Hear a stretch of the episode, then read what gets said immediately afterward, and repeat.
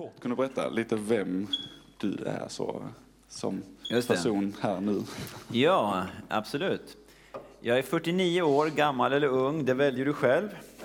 Jag märker att ju äldre jag blir, ju längre skjuter jag upp det som jag tycker är normalt. Så just nu är det normalt att vara 49 år gammal. Det där åker ständigt uppåt. Eh, Jag är inte uppvuxen i en kristen familj, kom till tro i tonåren.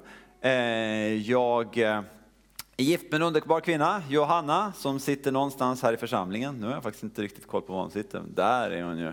Precis, hon förtjänar en medalj, brukar jag säga även när hon inte är närvarande när jag predikar. Hon har stått ut med mig nu över 28 år, så det är bra jobbat tycker jag av henne. Och så har vi tillsammans tre härliga barn. Jonathan, Emilia och Theodor. Lille Theodor, vår yngste lille pojke som nu är 1,97 lång.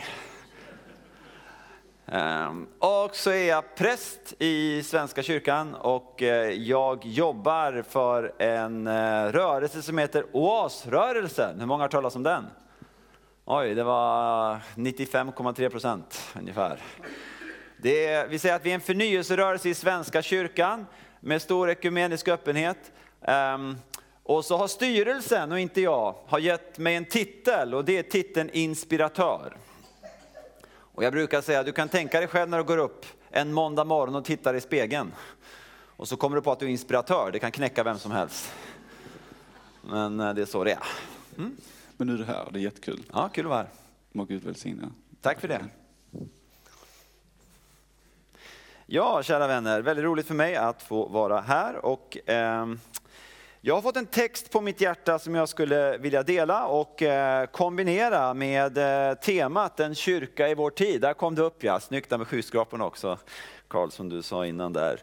Ehm, och eh, den bibeltext jag har fått på mitt hjärta ehm, har att göra med när Jesus kommer tillbaks till den plats där han växte upp. Vilken plats var det? Enköping? Nej, inte riktigt. Nasaret. Eh, han kommer tillbaka till Nasaret. Eh, det är ju den platsen där han spenderade 90 procent av sitt liv. Då var han helt okänd. Och så har han nu framträtt med tecken och under och talar som ingen annan, samlar människor som ingen annan, drar till sig folks uppmärksamhet som ingen annan, manifesterar Guds rike som ingen annan. Och eh, han har flyttat ner från Nasaret som låg uppe bland bergen ner till Kapernaum som låg vid sjön. Och Kapernaum låg vid de här stora allfartsvägarna. Så eh, han har flyttat från en by som låg lite avsides, typ nordvästra Kiruna. Och sen ner till London, nej lite överdrivet men ungefär så. Från det som låg lite avsides till det som är väldigt fyllt av folk och vägar och kommunikationer. Perfekta platsen om man vill bli känd av många. Men, men nu har man blivit lite sådär fundersam uppe i Nasaret kring allt det som Jesus gör. Och nu väljer Jesus, ledd av sin far, att komma tillbaka till Nasaret. Och vi ska se vad som händer då. Och jag läser Lukas 4 från vers 14 och vi kanske får upp det på skärmen också. Är det så? Jajamän. Är ni vakna? Då ska vi se vad det står här. Eh, vi börjar med den här versen. Eh, med andens kraft inom sig återvände Jesus till Galileen och ryktet om honom spred sig i hela trakten. Och om vi bara börjar med att stanna där. Eh, den kristna kyrkan har i 2000 år bekänt att Jesus är unik i hela världshistorien. Han är nämligen 100% Gud och 100% människa förenad i en person. Ganska speciellt. Eh, och då kan man ju tänka så här någonstans att, att vi tittar där då, med andens kraft. Jag menar, är det någon som, som inte skulle behöva någon annans kraft så är det ju han som är Gud och människa på samma gång. Ändå så står det här just det, och, och det grekiska ordet för kraft, det är dynamis. Och då har vi ett svenskt ord, eller hur? Dynamit. Eh, med andens dynamit så återvänder han. Och, och dels säger det här någonting till oss om att Gud är treenig, Fadern, Sonen och den helige Ande. Tre personer, en Gud. Eh, har du förstått det så gratulerar jag dig. Eh, jag har aldrig riktigt förstått det men jag vet att Gud har sagt att det är så, så så är det. Fadern, Sonen och den helige Ande. Eh, och, och här ser vi att treenigheten så att säga samverkar alltid. Och, och det är bland annat ett, en anledning till att det här står både nu och då, att, att den helige Ande leder Jesus. Men sen är det också det att Jesus är vår förebild. Och då är ju det här ett viktigt budskap till dig och mig. Han var fylld av andens kraft, han var ledd av den helige ande eh, för att också sända en signal till dig och mig. Vi behöver vara ledda av den helige ande. Vi behöver fyllas av den helige andes kraft. Amen. Ehm, och ehm, I Efesierbrevet 1 så ger Paulus ett exempel på just detta med dynamis, kraften i den heliga ande. Och där skriver han bland annat att vi är del av den heliga andes kraft, samma kraft som var verksam när fadern uppväckte sonen från de döda. Jag vet inte vad du tänker, men jag tänker det är rätt så stark kraft. Så det var en första signal vi får, så går vi vidare i texten. Han undervisade i deras synagogor och alla lovprisade honom. Vidare. Han kom till Nasaret där han hade växt upp. Och Nasaret, märkligt nog var inte Bibeln på svenska från början. Det är ofattbart, men det är så. Så det här är grekiska i Lukas evangeliet, men du går tillbaka till, till hebreiskan och Israel det var ju ett land där man talade hebreiska och arameiska. Och den här byn då, som hade funnits runt 100 år när Jesus nu kommer hit till Lukas 4. Det var en by som hade på, på hebreiska namnet Notseret. Kan ni säga Notseret? Ni talar hebreiska flytande. Och Notseret, det var eh, ett hebreiskt ord, netzer, som eh, hade en stark messiansk laddning. Så man skulle kunna säga att de som eh, grundade den här byn, de gav sin by, när de snickrade liksom upp eh, eh, eh, vägskylten, jag menar Ängelholm är också ett väldigt fint namn, eller hur? Änglar tänker jag på när jag tänker på Ängelholm. Så det är inte dumt det heller. Och, och när de skulle sätta liksom en vägskylt på sin by, så var den skylten, namnet var Messiasbyn. Messiasbyn. Och, och därför är det så än idag att kommer du till Israel och du på hebreiska ska säga att du är kristen, det, det, det, det förnämsta ordet att använda det är att säga aninotsrim, alltså jag är en nasaré. Just för att det är så intimt kopplat till Messias, det tycker jag är lite fint. Eller hur? Så här har vi en by som inte är vilken by som helst. Den har gett sin egen by namnet Messiasbyn och man tror att det beror på att man var återinflyttade judar som hade levt i förskingringen i Babel och kommer tillbaka och är väl medveten om att man så att säga ingår eh, i den släkt som, som kommer från kung David, eh, som innebar att de mycket väl kunde vara just den byn som fick se Messias födas i deras by. Det var därför de hade gett byn det namnet. Det är lite speciellt. Okej, okay, så, så Messiasbyn. Han kom till Nasaret där han hade växt upp. Alltså han var inte okänd. Utan tvärtom hade han levt med dem under nästan hela sitt liv. Och på sabbaten gick han till synagogan som han brukade. Han reste sig för att läsa. Och innan vi går vidare, tänk nu vad jag sa innan. Han har flyttat därifrån nu till Kapernaum. De har fått höra saker om Jesus som, som är helt, ni vet, blew their mind för att tala fin engelska. Helt häpnadsväckande saker.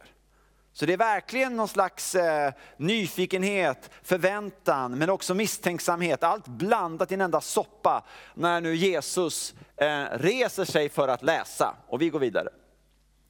Och man gav honom profeten Jesajas bok. När han öppnade den fann han det ställe där det står skrivet. Herrens ande är över mig. Det här är ett citat från Jesaja 61. Ursäkta. Ty han har smort mig till att frambära ett glädjebud till de fattiga.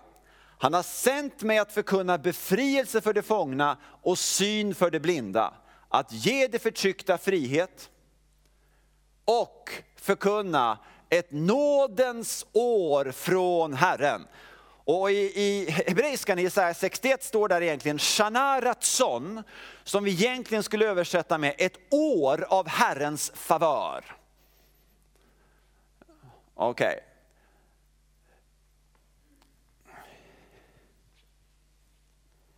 Och så tar vi vidare. Ni kan tänka, han har läst det här stället, spänningen är på maxpunkt, synagogan är fullpackad av folk. Vad händer nu?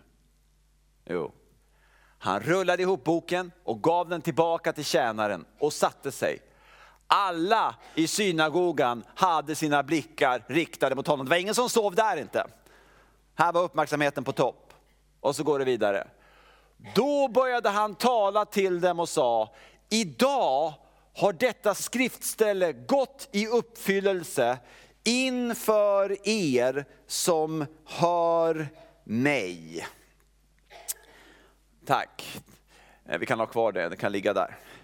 Så det Jesus säger till dem när han läser den här texten i Nasaret, det är något oerhört. Det han säger till dem det är att han säger, jag är han. Jag är den som ni har väntat på i hundratals och åter hundratals år. Jag är inte bara en smord, jag är den smorde. Eh, och det eh, skapade ju en hel del uppmärksamhet i eh, Nasaret. Och vi ska fundera lite vidare över eh, detta. Det som en del av er kanske känner till är att, att eh, det som hände där i byn var inte att de tog fram lovsångsbandet och började sjunga lovsång och säga fantastiskt Jesus, du är vår Herre, du är Messias. Eh, det var inte ens att de eh, sa oj oj oj, vi är väldigt omskakade här. Kan det verkligen vara så att du är Messias? Oj oj oj, eller, eh, vi måste verkligen diskutera, vi måste prata, vi måste be, vi måste läsa i Bibeln, vi måste höra mer av dig. Utan det som hände som du kanske känner till, det är att de eh, blev väldigt arga på honom och de eh, ville faktiskt till och med ha ihjäl honom. Och han fick gå rätt genom folkhopen och så gick han vidare. Så, så reaktionen kan man säga var inte så positiv för att eh, uttrycka sig diplomatiskt. Eh, och eh, då tänkte jag nu att eh, vi skulle kombinera det här med eh, vår rubrik, En kyrka i vår tid. Så vi kan ta upp den rubriken igen så har vi rätt eh, rubrik här. Vad kan nu den här texten, mina vänner, ha att säga om en kyrka i vår tid? Jo, men Eh, det jag skulle vilja börja med att säga här då, det är ju, eh, det är typiskt Gud att komma. Det står om det gång på gång på gång i Bibeln, att Gud kommer till oss. Vi människor som har vänt ryggen till Gud, vi som valde att använda vår fria vilja eh, eh, till att säga nej till Gud. Och därmed drog vi in döden och synden i tillvaron. Hela Bibeln är fylld av vittnesbörd om hur den Gud som älskar oss mer än vad vi kan förstå, han kommer till oss, inte bara en gång, utan han kommer gång på gång på gång på gång på gång på gång på gång. Och, och, och ni vet den här texten i Nasaret, eh, jag har läst den många gånger. Och, och, bara för någon månad sedan, eller ett par månader sedan, så var det som att, jag tror det var Gud, öppnade bara liksom en fördjupad förståelse. För innan det så, så, har jag sett på texten, som jag tror många av oss gör, inte du säkert, men andra.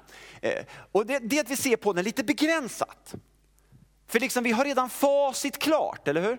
Vi vet ju redan hur det gick och det, liksom, det använder vi till att tänka till och tolka hela skeendet. Och då tänker vi så här, Jesus kom till den här gamla hopplösa byn med gamla hopplösa människor och han kom dit eh, och han visste att de skulle säga nej till honom och det visste han säkert för han hade ju koll, men ändå. Eh, och, och, och liksom, han är lite allmänt sur och på dåligt humör när han kommer dit till de här hopplösa människorna. Han liksom står och säger, ja, jag är Messias men det bryr ni er ändå inte om. Och de agerar fientligt så bara går han därifrån den här hopplösa byn och iväg med er. Känns tolkningsmönstret igen? Men, men så bara, bara på något sätt som att Gud, när jag läste den här texten, var som att han öppnade en ny dimension. Och så var det som att jag såg just detta. Tänk, ni vet, under Jesu tid på jorden så var det väldigt laddad och känsligt läge i Israel. Det innebar att han kunde inte proklamera för människor att han var Messias hur som helst. Helt enkelt för att de romerska soldaterna såg det som, som att man, man ville störta kejsaren som uppror. Och därför var han tvungen att hålla inne med detta. Den första gången han öppet proklamerar att han är Messias inför liksom folket med stort F, det är vid palmsöndagen då han rider över Olivberget. Och det mina vänner, det är ju eh, fem dagar innan han dör på korset. Eller hur? Så det var alltså inte vanligt alls att han proklamerade och visade människor verkligen, uppenbarade eh, helt fullt ut att han var Messias.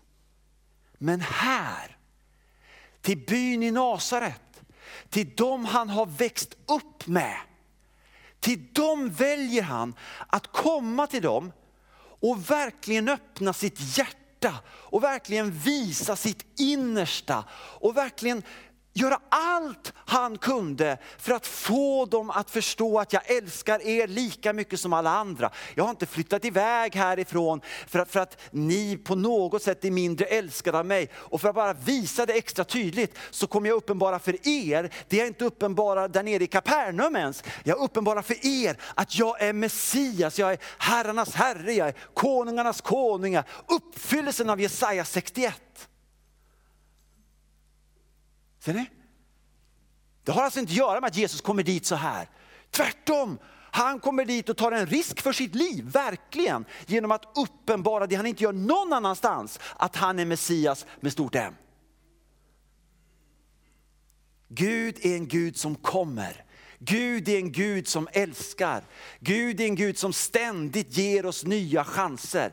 Det gjorde han då, det gör han nu.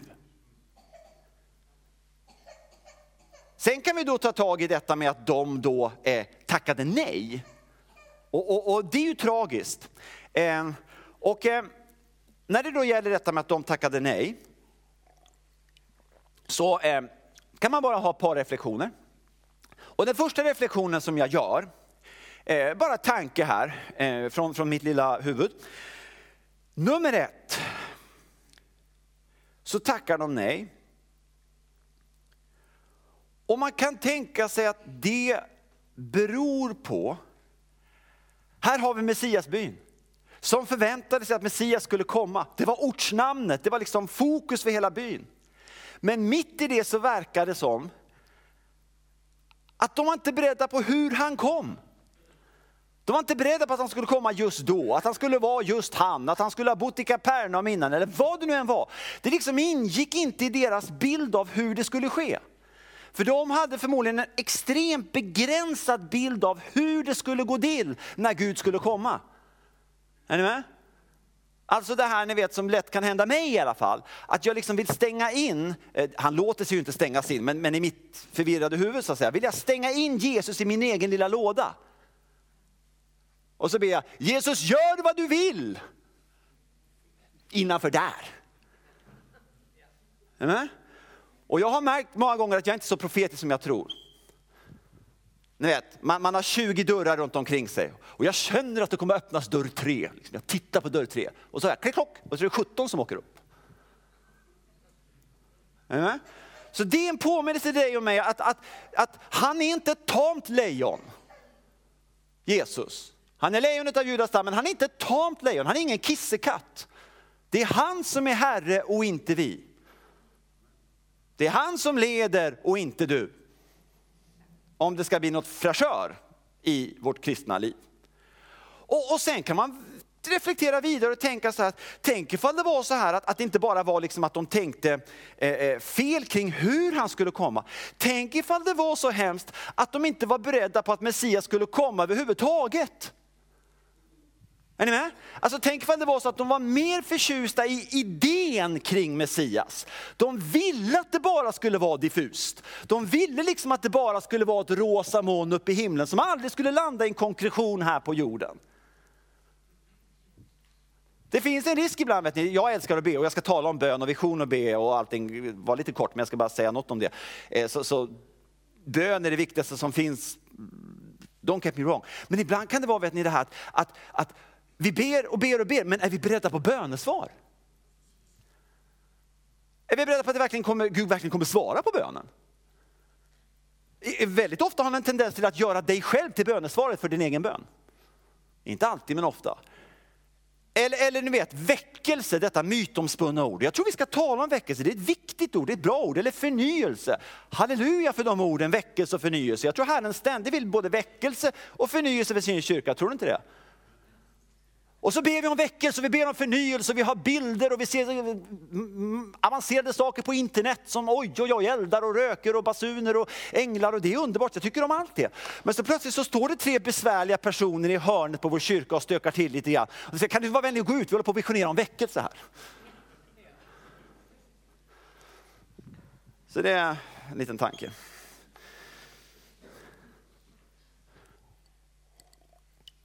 Nåväl. Eh. Nu då, på tal om en kyrka i vår tid. Så tänker jag att, att Gud kom till Nasaret och vi sa att det är inte bara Nasaret utan Jesus kommer gång på gång på gång för han älskar att komma för han älskar oss. Och inte bara oss, han älskar alla här och vill nå dem också.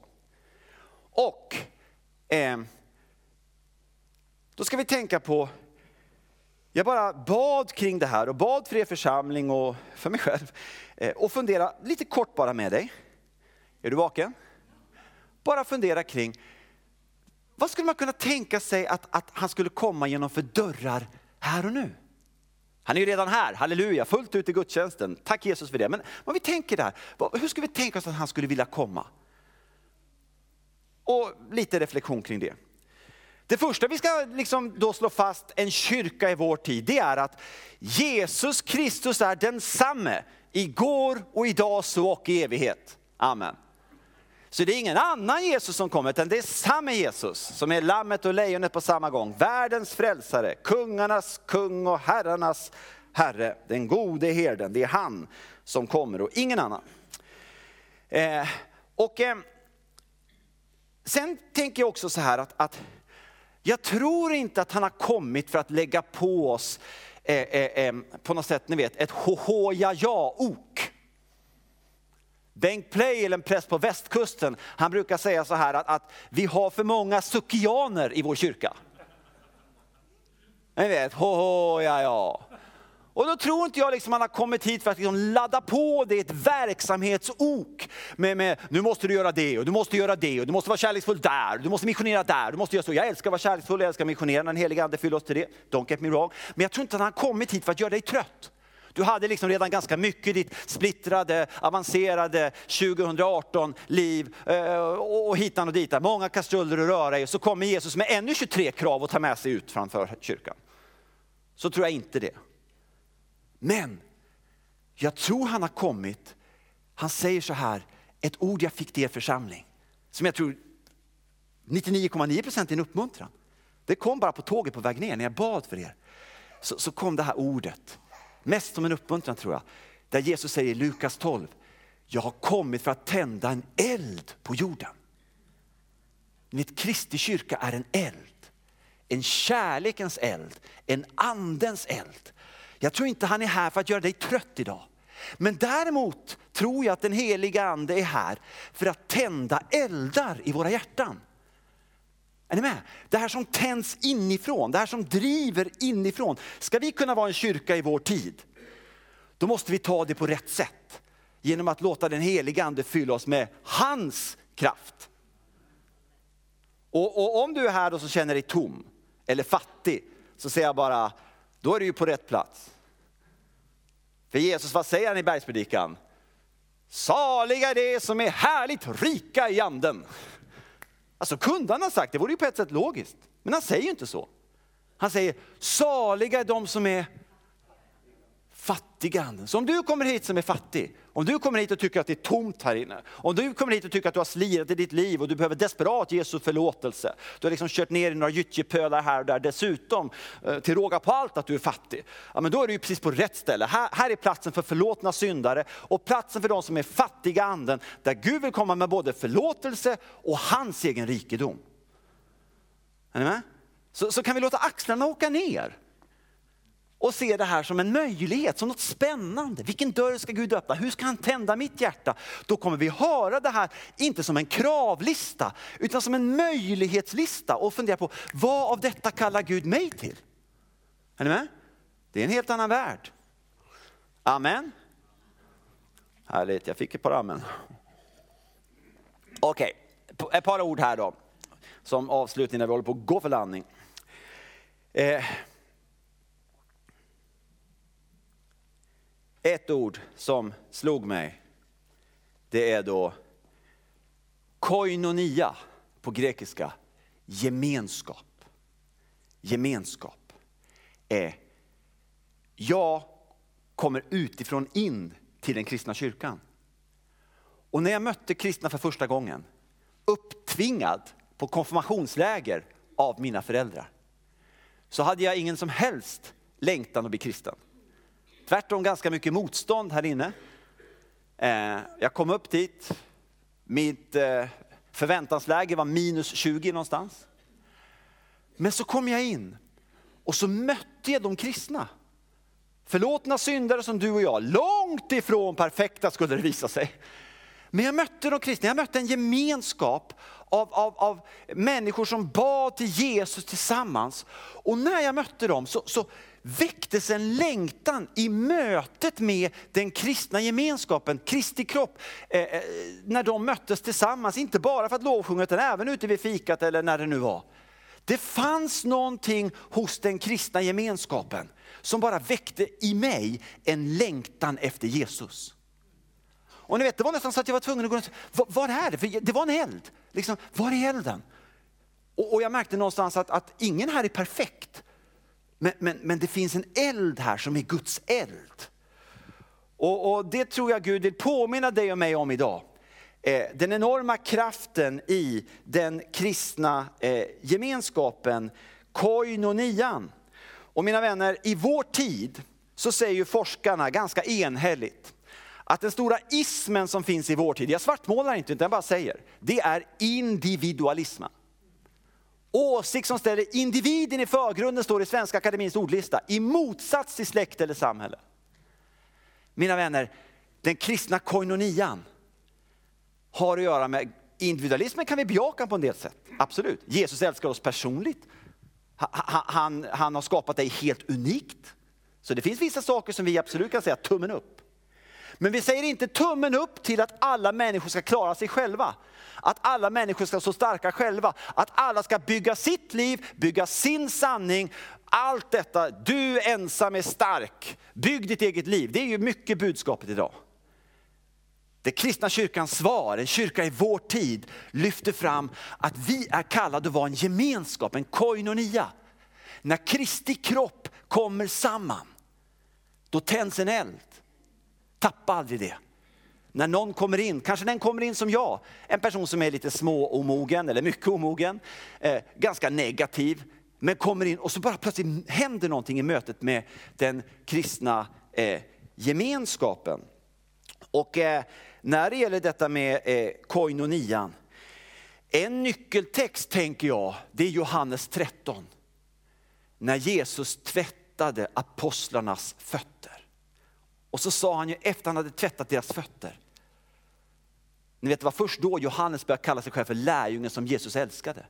Och när han hade tvättat deras fötter så sa han ju, jag har gett er ett exempel för att ni ska göra som jag har gjort. Gör så med varandra. Och jag tror att en kyrka i vår tid, det är en gemenskap där vi inte är perfekta, men där vi vågar vara ärliga vi vågar vara, vi behöver inte fläcka ut vårt innersta för alla, men, men vi vågar ändå vara genomskinliga. Vi vågar komma nära varandra, vi vågar vara generösa, vi vågar öppna oss för varandra. Vi vågar låta den heliga ande föra vår gemenskap ner till någonting som är fotvätt på djupet. Amen. Jag kallar präster till bön en gång i månaden, har gjort det i tio år. Vad gör vi? Vi samlas ett gäng präster en gång i månaden och det vi gör är så retsamt enkelt men faktiskt mycket viktigt. Vi samlas ett antal präster och så delar vi livet med varandra. Tre timmar så ber vi för varandra och delar livet. Alla väljer själva vilken nivå de lägger på. Många talar mycket om ni vet, det som kommer när man börjar gå på djupet. Kampen, nöden, utsattheten, behovet av stöd, behovet av råd, behovet av förbön, behovet av, av, av kärlek, behovet av uppmuntran. Och de här tre timmarna brukar jag tänka som vi har varje månad, de är väldigt ofta livräddning. Jag tror vi är kallade av Gud att gå på djupet i vår gemenskap. Amen. Eh, ett annat ord jag kort vill lyfta fram det är diakonia. Alltså koinonia var gemenskap, diakonia det är det här att vi är kallade att vara Kristi tjänare. Kom ihåg, det ska vara glädje. Den heliga ande som kallar, inte trötta ok, men, men, men, om du känner att det tänds en eld i ditt hjärta. Jag var nyss och predikade i St. John i, i Kanada. Det är en hobby jag har att predika lite här och där. Och, och den här staden, jag fick prata med, med en kvinna som har varit en av de två drivande när plötsligt ett stort antal flyktingar knackade på dörren till stan. Och stan hade ett val att säga ja eller säga nej. Och Kristi kyrka var väldigt, väldigt aktiva i att, i att öppna upp. Så stan öppnade upp för, för ett hyfsat stort antal eh, flyktingar från Syrien. Och, och, jag ska inte romantisera och säga att det bara var lätt, för det var det inte. Men man märker hur detta har eh, givit en stor rikedom till stan och in i Kristi kropp i St. John. Så eh, jag läste nu när jag åkte från stan att eh, den, den kallas nu av vissa för Kanadas Betlehem. Det var en dörr som Gud öppnade. Tänk ifall Gud öppnar sådana dörrar här. Det måste inte ha just att göra med, med sådana som kommer från andra länder, har med det också att göra. Men, men Gud öppnar en dörr till betjäning någonstans. Det är också en kyrka i vår tid, för i vår tid så är det ju mycket budskapet som vi sa, klara dig själv, var stark själv, se om ditt eget. Och så kommer vi med budskap att Kristus gav oss allt. Och därför vi kallade att vandra kärlekens väg, fylld av den helige ande. Och eh, är du vaken? Jajamän, vi håller på att gå för landning här. Bön. Eh, en, en, annan vision som jag skulle vilja eh, bara också, jag tror, bara fick på mitt hjärta när jag skulle tala för er här. Bön. Eh, andens låga, Kristi kropp som en låga. I vår tid finns mycket bra i vår tid, jag är inte ute efter att svartmåla. Men det finns också vissa tendenser kanske du märker i vår tid och när vi surfar runt eh, bara fem timmar per dag, men det är så viktigt att vara uppdaterad, uppdaterad, vad händer där, vad händer här och så vidare. Så kanske du har märkt också att ganska ofta blir det ytligt. Det liksom blingar och glittrar, men det är väldigt mycket på ytan. Kristi kropp, en kyrka i vår tid som jag redan varit ute efter, har en kallelse att på många sätt gå på djupet. Och det handlar även om vår kallelse att leva i tillbedjan. Vår första kallelse i vårt liv är att älska Gud över allting. Det kan vi bara göra av nåd med Jesu förlåtelse varje dag. Som en segelbåt som drivs av den heliga andes vind. Inte egen kraft, men det är ändå vår kallelse. Och eh, när jag var iväg till Kanada här så eh, åkte jag förbi HTB, Holy Trinity Bronton i London, som en del av er kanske känner till. De har startat något som heter Alfa som är hyfsat välkänt. Och så skulle jag gå in i kyrkan på gudstjänst. Och när jag skulle gå in i kyrkan så såg jag, och det har säkert många sett före mig, jag ehm, eh, har inte varit där, men faktiskt första gången jag var där, eh, så såg jag att det stod i ett hus bredvid 24-7. Alltså i ett hus precis bredvid kyrkan har de ett hus där de uppenbarligen ber till Gud dygnet runt. Och jag blev uppmuntrad i hela mitt innersta av att tänka, wow! I den här församlingen så har de ett gäng i det huset och det måste vara många som hjälper till, för då måste ju många komma in. Eh, som ber tillsammans eh, dygnet runt. Och när jag var uppe och, och, och talade här i, i Trondheim för eh, någon månad sedan, så har de gått in, de, de hade 24-7 bön under en ekumenisk vecka. Och då kom det fram en kvinna och delade en vision. Och det var helt uppenbart hon hade fått det från Gud för att det här var ingen verksamhetströtthet utan det verkligen var något som levde. Och då sa hon så här, vet ni, sa hon, hon talade ju till de kristna i Trondheim från alla olika kyrkor och samfund. Så sa hon, jag bara upplever i vår tid hur det är som att Herren har lagt på mitt hjärta. Jag tror att vi kristenheten i Trondheim, Gud kommer att kalla oss att, att på något sätt starta 24-7 bön året runt i Trondheim. Och folk blev inte så här trötta, åh, no, no, jag, ska, jag vill, no, jag ska försöka. Utan ni vet, det var något pikt över det hon sa. En kallelse till fördjupning i bön. Gud har kommit för att eh, tända en eld. Och, eh, jag hade, vi hade en dag för präster i oss i måndags. Och på den här dagen för präster så eh, var det en präst, en mycket trovärdig präst, jag tror verkligen på det han sa. Han sa så här att de hade gjort ett litet test för att kolla upp bönens kraft. Vet ni vad de hade gjort? De hade tagit fram telefonkatalogen och så hade de tagit två grupper av 80 personer. Okay? Jag, tycker, jag älskar det, det går skönt. Och så tog de först en grupp på 80 personer och så bad de för alla de här 80 personerna, lite snabbt, men det var några som bad för, för alla de här namnen, nå, någon gång per dag under ett par veckors tid. Den andra gruppen på 80 personer bad de inte för. Sen får vi hoppas att de bad för dem efter experimentet, men det är en annan sak. Men de bad inte för den gruppen. Okay? Och sen efter eh, ett par veckor så ringde de runt till alla 160, alltså båda grupperna, Eh, och ställde frågan, får vi komma hem och välsigna ert hem? Det var helt random valt ur telefonkatalogen. Och, och då den här gruppen på 80 som de inte hade bett för, vet ni hur många som tackade ja? Tre. Tre. Och gruppen som de hade bett för, vet ni hur många som tackade ja? 69.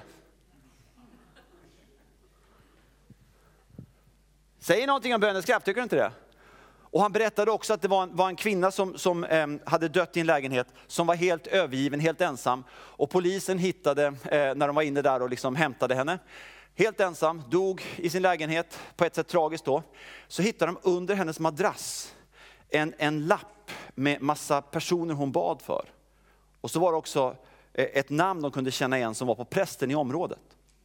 Så de gick till prästen och sa att ja, vi hittade en död dam som var helt själv. Hon dog utan att någon eh, verkade känna henne eller så. Men, men, men, hon hade en lapp under madrassen, vi ville ge den lappen till dig. Och på den lappen så fanns det namn och det namn vi kunde känna igen, det var ditt namn. Så vi, vi, vi, tänkte att du kan få den här lappen. Då tittade han på, på, på lappen. De namn som var på resten av lappen, det var de som hade gripits, kommit till tro och gripits av förnyelse de senaste åren i hans församling. Ser ni? Kraften i bön. Okej. Okay. Det vi ska göra nu eh, är att vi ska få fira nattvard. Nattvard är Guds ultimata sätt att komma till oss. Eh, närmare än så kan det inte bli. Det är, tycker jag, en underbar signal från Jesus själv, att när vi ska vara en kyrka i vår tid, med koinonia, med diokonia och med bön och fördjupning, då, då ska vi inte göra det i egen kraft som vi har sagt nu 17 gånger i den här predikan. Eh, Guds nåd kommer till oss. Jag kommer stå där bak vid korset och smörja med olja. Olja i Bibeln är ett tecken på den heliga Ande. Och dit går man och säger ingenting, utan man bara går och ställer sig om du vill. Och så smörjer jag dig med olja och bara lägger handen på dig. Jag bara kommer be om att, att Gud eh, ska tända visioner i ditt liv, att den heliga ande ska komma med sin kraft mitt i din svaghet. Och så kommer det vara andra underbara förebedjare där också och till dem kan du gå och tala ut ditt förbönsämne. Och när det då gäller detta med olja så vill jag avsluta med någonting som jag tycker är en kraftfull stilpoäng. För i Jakobsbrevet kapitel 5, eh, vers, ska vi se här, 14, så talar Jakob om olja. Och då skriver han så här i Jakobsbrevet 5.14. Är någon bland er sjuk ska han kalla på församlingens äldste och de ska be över honom och smörja honom med olja i Herrens namn. Och det här ordet för sjuk, det är på grekiska astenia. Och astenia betyder sjuk, så det är rätt översatt, inget fel. Men det betyder en sak till. Och det används mer i Nya Testamentet med översättningen svag. Så det skulle lika gärna kunna stå där, är någon av er svag? ska han kalla på församlingens äldste. De ska smörja honom eller henne med olja och den heliga ande ska komma med sin kraft och resa upp den personen. Och nu kommer stilpoängen. Det här är det sista jag säger. Det här är Jakobs brev. Jakob, han kallas i Galaterbrevet för Herrens bror. Han som skriver det här andefyllda brevet, han som ger dig den här underbara hälsningen om olja nu. Han var en av dem som var i Nasaret och tackade nej. Han var en av dem som satt där i synagogan när Jesus ställde sig upp och bara visade sitt hjärta. Han var en av dem som hånade. Han var en av dem som, som, som kanske till och med ville ha ihjäl honom, för så allvarligt var det. Han var en av dem som fick se Jesus gå iväg. Om honom skulle man verkligen kunna tänka att nu är det för sent, han har verkligen syndat för mycket. Men så står det i första Korinthierbrevet 15, precis efter Jesu uppståndelse skriver Paulus, Herren, alltså Jesus, visade sig för Jakob. Nu snackar vi om nåd på djupet, eller hur? Så om du finns där så känner man, Hans jag känner så mycket igen mig i Nasaret och jag tycker att jag så mycket har sagt nej till Jesus och jag tycker så mycket i mitt liv är futtigt så jag bara, välkommen i Jakobklubben. Du kan inte påverka ett dugg hur ditt liv har varit fram till nu. Det du kan göra allt åt, det är om du vill hänga på Jesus från och med nu och framåt. Om du gör det, trots att du har varit en Nasarets person som vi alla är delvis, så kan du vara den som skriver saker och ting väldigt snart som på djupet välsignar tusentals andra människor. Amen.